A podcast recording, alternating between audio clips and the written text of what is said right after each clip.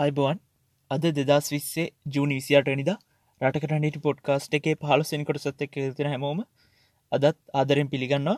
ඒ වගේම තමයි පොඩ්කාස්ට් එකේ දාහතරනි කොටසත් එක් එකතුන ලයික් කරපු කමෙන්ට් කරපු ෂයා කරපු සහ ගරුප් එක ඔගොල්ලන්ගේ අදහස් බෙදාගත්තු හැමෝටම ගොඩක් ස්තුතියි කියල කියන්න ඕනේ. ඉතිං ඒ කරුණු කාරණාටිකත් එක්ක අද අපේ අපේ පලවෙනි මාතෘකාඩෙමු මුලින්ම අද අපි කතා කරන්න හිතුවේ අපි පහුගේ දින කීවම මෙරටේ නීතිය නීතිය සමානත්මතාව සාධාරණත්වය ගැන කතා කරපු නිසාම නීතිය සම්බන්ධෙන්ම ඒකත් එක්ක ලඟින් යන මාතෘකාව ගැන කතා කරන්න හිතුව. නීතිය ගැන කතා කරදදි අපි කතා නොකරම බැරි දෙයක් තමයි මේ නීතිඥ වෘතිය කියන එක. අපි දැක්ක පහුගේ දවස්සල නීතිඥ නාගානන්ද කොඩිතුවක්කු වගේ කට්ටිය සමාජය සමාජ ඉස්සරහට ඇවිල්ල කියනවා මෙරටේ නීතිඥයන් අතරින් තරේ මේ නීතිඥ වෘතිය ඇතුළේ මේ රටේ සාමාන්‍ය ජනතාවට සිද්ධන අසාධාරණකම් ගැන යම් කිසි හඬක් යම් කිසි විරෝධයක් ඒක ගැන ගොඩ නැගුණ. මොකද මේ වෘතිය ඇතුළේ මේ වෙනකොට ඇතිවෙලා තියෙන මැල් ප්‍රක්ටිසස්ටික ටික මිනිසුන්ගේ අසරණ කම්වලින් අයුතු ප්‍රයෝජන ගන්න විදිහ ගැන කතා කරන්න පහුගේ දස්සල පහුගේ කාලේ මේ රටේ ගොඩක් සමාජ ක්‍රියාකාරි පෙළමුණ ඉතින් ඒක හන්දා අපි හිතුව කොහොමද මේ රටේ නීතිීඥ වෘතිය සැබෑ වෘතියක් හැටියට ගෞරවයක් තියෙන වෘතියක් හැටියට සංශෝධනය කරලා සමාජිස්සරහට ගේන්නේ කියලා. මේ මාතෘකාගෙන කතා කරදි අපි හැමෝට මෝන තරම් අත්දැකීම ඇති.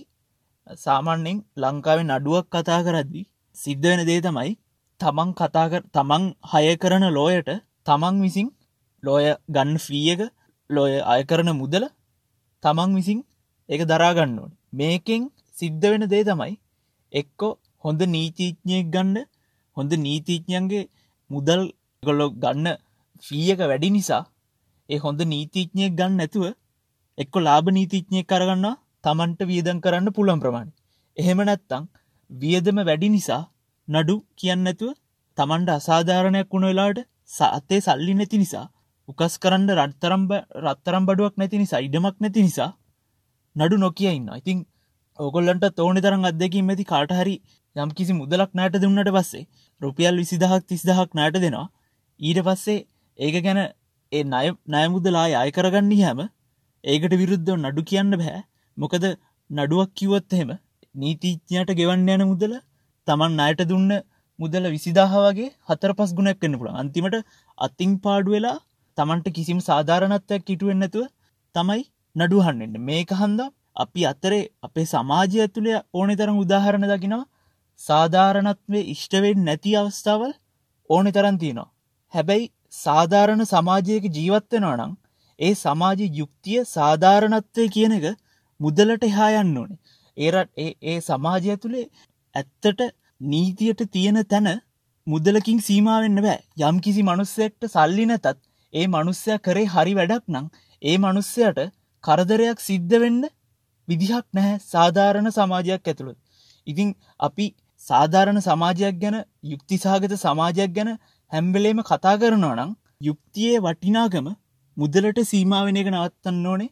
ඒක අංක එක. ඉතිං මේක කරන්න කොහොමද? මේ යුක්තියේ වටිනාගම මුදලට හා එහා තැනකට ගෙනියන්නේ කොහොමද කියලා අපි පොඩ්ඩක් හිතුව. එතකොට මේ රීසච්චකේදී අපි දැක්ක දෙයක් තමයි ඇමරිකන් රූල් සහ ඉංගලිෂ් රූල් කියනක මේ මේ සංකල්ප දෙක නීතිඥයන්ගේ නඩුවකදී නීතිඥයන්ගේ ඒගොළන්ගේ ෆී එක ගෙවන්නේ කවුද කියලා තීරණය කරන නීති දෙකක්. ඇමරිකන් රූල් කියන එක තීර ක්‍රියාත්මකවෙන්නේ වල සාමාන්‍ය නීති හැටියට එක ප්‍රාන්තය කර අනිත් ප්‍රාන්ත් හතලිස් නවේම ක්‍රියාත්මක වෙන්නේ ලංකාව සිද්ධවනා වගේම තමන් නීතිඥය ගත්තොත් එහෙම ඒ නීතිඥයගේ ෆී එක ගෙවන්ඩෝනේ තමාමයි. නඩු අවසානය තමන් හරිද වැරදිදි කියන එක අදාල නැහැ. තමන් තමන්ගේ ෆී එක තමන්ගේ ලෝය රුපියල් විසිදාහකට නඩු කියලා අන්තිමට ලෝය රුපියල් ලක්ෂ දෙක බිලක් දෙනවනම් ඒ ලක්ෂ දෙක කව කරන්න ඕනේ තමාමයි. තමන්ට ආයත රුපියල් විසිදහ හම්බුණාද නැද්දිගෙන කදාල නැහැ.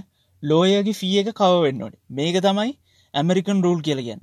ඉට පස්සේ ඉංගලිෂ් රූල් කියල කියන එක ක්‍රියාත්මගෙන්නේ එක්සත් ජනපදය සහ යුරෝපේ තියෙන තැම් රටල්ලට මේ ඉංගලිෂ් රූල් කියන එකෙන් වෙන්නේ පරදින කෙනා විසින් දිනන කෙනාගේ ලෝය ෆීස් ටික කව කරන්න ඕන. අපි කලින්ගත් උදාහරණම ගත්තොත් එහෙම පුද්ගලය දෙන්නෙක් ඉන්න එක පුද්ගලෙක් රුපියල් විසිදාහක නයක් දෙනවා අනිත් පුද්ගලයට.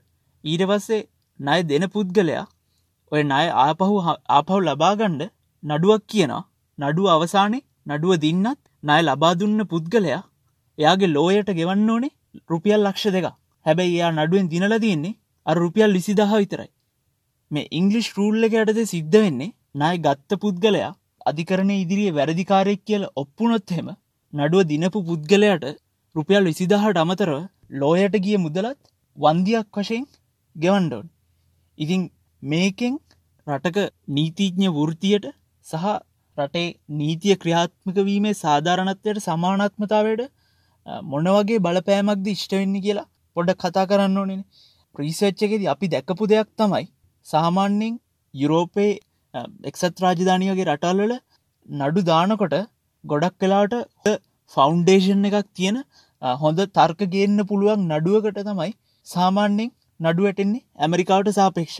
අංක දෙක නීතිීඥ ව්‍යාපාරයකට වැඩිය නීතිීඥ වෘතියක් තමයි යුරෝපියන් රටල්වල ගොඩක් කලාට තියෙන්නේ. ඇමරිකාවෙත් ලංකාය වගේම ඉතාමත් අධික මුදලක් අය කරන නීතිීඥ ව්‍යාපාර ලෝෆර්ම්ස් ලොකු කම්පැනිස් තමයි ඇමරිකාවෙත් මේ ලංකාය වගේ ක්‍රියාත්මගෙන් හැබැයි එංගලන්තට ගිහාම එහෙත් ප්‍රයිවට් කම්පැනිස් ප්‍රයිවට් ලෝෆර්ම්ස් තිබ්බට අය කරන මුදල සහ ඒ වෘතියට තියෙන පිළිගැනීම අතරේ ලොකු වෙනසක් තියෙනවයි කියලා මේ රිසච්ච එකේදී අපිට තේරුණා. ඒ වගේම තමයි අංක තුන වැදගත්ම කාරණය සාධාරණයක් ඉෂ්ට කරගන්න කවදාවත් මේ ඉංගලිෂ් රූල්ල යටතේ අතින් පාඩු කරගන්න ඕනෙ නෑ ඊළඟට දුප්පත් මනුස්්‍යය කියලා හොඳ නීතිීඥෙක් නැතුව ලාබ නීතිීඥයක් ගන්න පෙළමෙන සමාජයක් ඇතුළත කලාට පරදින්නේ හොඳ නීතිීඥෙක් ගන්න බැරි දුප්පත් මනුස්සය. හැබැයි ඉංගලිෂ් රූල්ල එක ඇතුළේ අපි දකින විදිහට මේ කියන ප්ලයින් ෆිල් දෙක අධිකරණයක් ඉදිරියේ කරුණු ඉදිරිපත් කරන්න තියෙන අවස්ථාව සමාන තලයකට ඇවිල්ලා සමාන අවස්ථාවක් ආර්ථික තත්ත්වන් නොසලකා ගිය එතනින් එහාට ගියපු නීතිය සමානත්මතාව ඉෂ්ටන අවස්ථාවක් ඇතිවෙනොයි කියලා අපි විශ්වාස කරන ඉතින් මේ කියන විදිහට අපිත් අපේ රටේ නීතිීඥ වෘතිය වෙනස් කළොත් මේ කියන සංශෝධන අපේ රටේ ජුඩීශල් සිිස්ටම් එකට ගෙනාවොත් එහෙම අපි විශ්වාස කරනවා ලොකු වෙනසක් මේ සමාජයේ ඇති කරන්න පුළුවන්ගේ කියලා. හැමෝටම තමන්ගේ එදිනෙදා ජීවිතේ අනිවාර්යෙන්ම මුහුණ දෙන්නන අත්දැකීමක්. ඉතින් මේක ගැන සමාජය කතිකාවතක් ඇති කරමු මේ මේ ව්‍යාපාරය සංශෝධනය කරමු කියලා පොඩි ආරාධනාවක් කරනවා. ඊළඟට අපි කතා කරන්න හිතුවේ කරුණ අම්මාන් ගැන. මේකට මූලික වුණ හේතුව ගොඩක් අය දන්න ඇති පහුගේ දසක කරුණ අම්මන් කියල තිබ්බා. එයා කොරෝනවලටත් එඩිය භයනකයි. කොරෝනවලින් මැරුව අට දෙනයි. හැබැයි එයා යුද්ධ කාලේ මුලතිව්වල කරෑකින් ඊටඩිය හමුදාවේ තරුණය මැරුවයි කියලා කරුණාම්මන් ප්‍රකාශ කරලා තියෙනවා. ඉතින් ප්‍රකාශත් එක්ක කරුණාම්මන් ගෙන කතා නොකර ඉන්න බැහැයි කියලා අපි හිතනවා. මුලින්ම කියන්න ඕනේ අංක එක. අපි දකින ඉදිහට LTT එක කියල කියන්නේ සියට සීයක්ම ත්‍රස්තවාදීන්. මේ අවුරුදු තිහ ඇතුළේ මැරුණ ආබාධිත වුණ රණවිරුවන් සාමාන්‍ය ජනතාව මේ සියලු දෙනාගෙම ජීවිතවල වගකීම ඒ බර ඒ ත්‍රස්ස සංවිධානයට තියෙනවයි කියලා අපි විශ්වාස කරනවා. හැබැයි ඒ අවුරුදු තිහක යුද්ධ ඇතිවෙන්න හේතුවක් තිබ්බයි කියලා අපි දුකෙන් වුණත් පිළිගන්න සිද්ධනවා. එක්දස් නාසි හතලිසට ඉඳලා දෙදස් හය වෙනකං රටේ තීරණගත්ත මිනිස්සු මේ යුද්ධ ආරම්භ කරන්න සහ යුද්ධ පවත්තාගෙනයන්ට රිජුව වක්‍රව විවිධාකාර උපකාර කරලා තියෙනවා කියලත් දුකෙන් වුණත් පිළිගන්න වෙනවා. ඉතින් එහෙම වෙලා තියෙන අවස්ථාව යුද්ධ යුද්ධ කරන්න නැතු අවියායුදවලින් යුද්ධ කරන්න ඇතු මිනිස්සු මරාගන්න නැතුව දේශපාලනික මට්ටමින් සාකච්ඡා මට්ටමින් සාකච්ඡා කරලා ප්‍රශ්න විසඳන එක හොඳයි. ඒක රටට බරක් නෙවෙයි කියලා අපි හිතනවා. හැබැයි කරුණ අම්මාන් කියලා කියන්නේ ත්‍රස්ත නායකේ පැති මාරු කරන්න කලින් ප්‍රභාකරන්ගේ දකුණත වගේ ඉඳපු පුද්ගලේ පොලිස් නිලධාරීන් එකසිය දහතුනක් යටත් වුන අවස්ථාවේ කළුමුණේදී මරාදමී සම්බන්ධෙන් චෝදනා තියෙන පුද්ගලේ කාත්තකුඩි ඉරෝවාර්වලදි මුස්ලිම් ජනතාව සමුලගාතනයට ලක්කිරීම ගැන චෝදනා තියෙන පුද්ගලේ ඒවගේම ළමා සොල්දාදුවන් බඳවා ගැනීම ගැන චෝදනා තියෙන පුද්ගලෙක් මෙහෙම මනුස්සෙක්ට රටේ තියෙන ලොකුම දේශපාලන පක්ෂයක උපසභාපතිකම දීලා බලාපොරොත් වෙන්නේ මොකක්ද කියලා මහිතන්නේ මේ රටේ හිතන ජනතාව අනිවාර්යම හණ්ඩෝනේ දැන් මෙහෙමත් තර්කයක් තියෙනනේ ද අපි කලින් කිව්වා යුද්ධ කරන්න ඇතු දේශපාලික මට්ටමින් සාකච්ඡ මට්ටමින් ප්‍රශ්න විසඳනක හොඳයි කියලා. හරි අපි කියමුක ආවට කමන්න නැහැ කියලා. විල්ල සිංහල නායකයක්ගේ දෑක් ශක්තිමත් කරනවා නම් ප්‍රභා කරන හරි ආවොත් චන්ද දෙන මට්ටමට ඉන්න මිනිස් ඉන්නාන මේ රටේ දේශපාලන ව්‍යහේ දෙපැත්තම. අපි කියමු කරුණාම්මන් නාප එක හරි. එයාව ආහන්ද තම අනිවාර්යම යුද්ධ දින්න. යාව නැත්ත යුද්ධ දිනන්න හැ කියලා අපි පිළිගම්මක පොඩි වෙලාවකට. හැබැයි අඩුම ගානේ තමන් කරපු වැරැද්ද ගැන පොඩි කලකිරීමක්. හෙමනැත්තං කලකිරීමක් නැත්තං ඒ මරපු මිනිස්සු ගැන තැන තැන කියවන්න නැතුව ඉන්න තරම් ආත්මගෞරවයක් අඩුම ගානේ සංවේදීතාවයක් මෙහෙම කෙනෙක්ගෙන් අඩුම ගාන බලාපොරොත්වෙන්නවා. එහෙම නැතුව රිකන්සිලියේෂන් වගේ ලොකු සංකල්ප කතා කරන්න බැහැ තමන් මරපු මිනිස්සු ගාන ගැන ගිහිල්ල ලොකුගන් කියවනවන. ඉතින් මේ වගේ අයකින් රටේ අනාගතයට තියෙන ආයජනය මොකක්ද මේ වගේ කට්ටිය තමන්ගේ පක්ෂ තියාගෙන එතනින් බලාපොරොත්තු වෙන එන්ඩ්ගේම් එක එතනින් බලාපොරොත්තු වෙන ප්‍රයෝජනය මොකක්ද කියලා අපි අහන්න ඕනේ. ඇත්තටම කාවද රවට්ටන්න දන්නේ ඇත්තටම කාටද සේවයක් කරන්න යන්න ඕනි යන්න කියලා පොඩ්ඩක් හිතල බලන්න.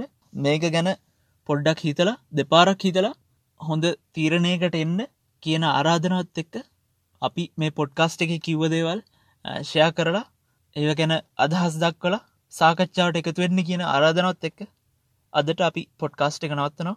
ගොඩක් සූතියි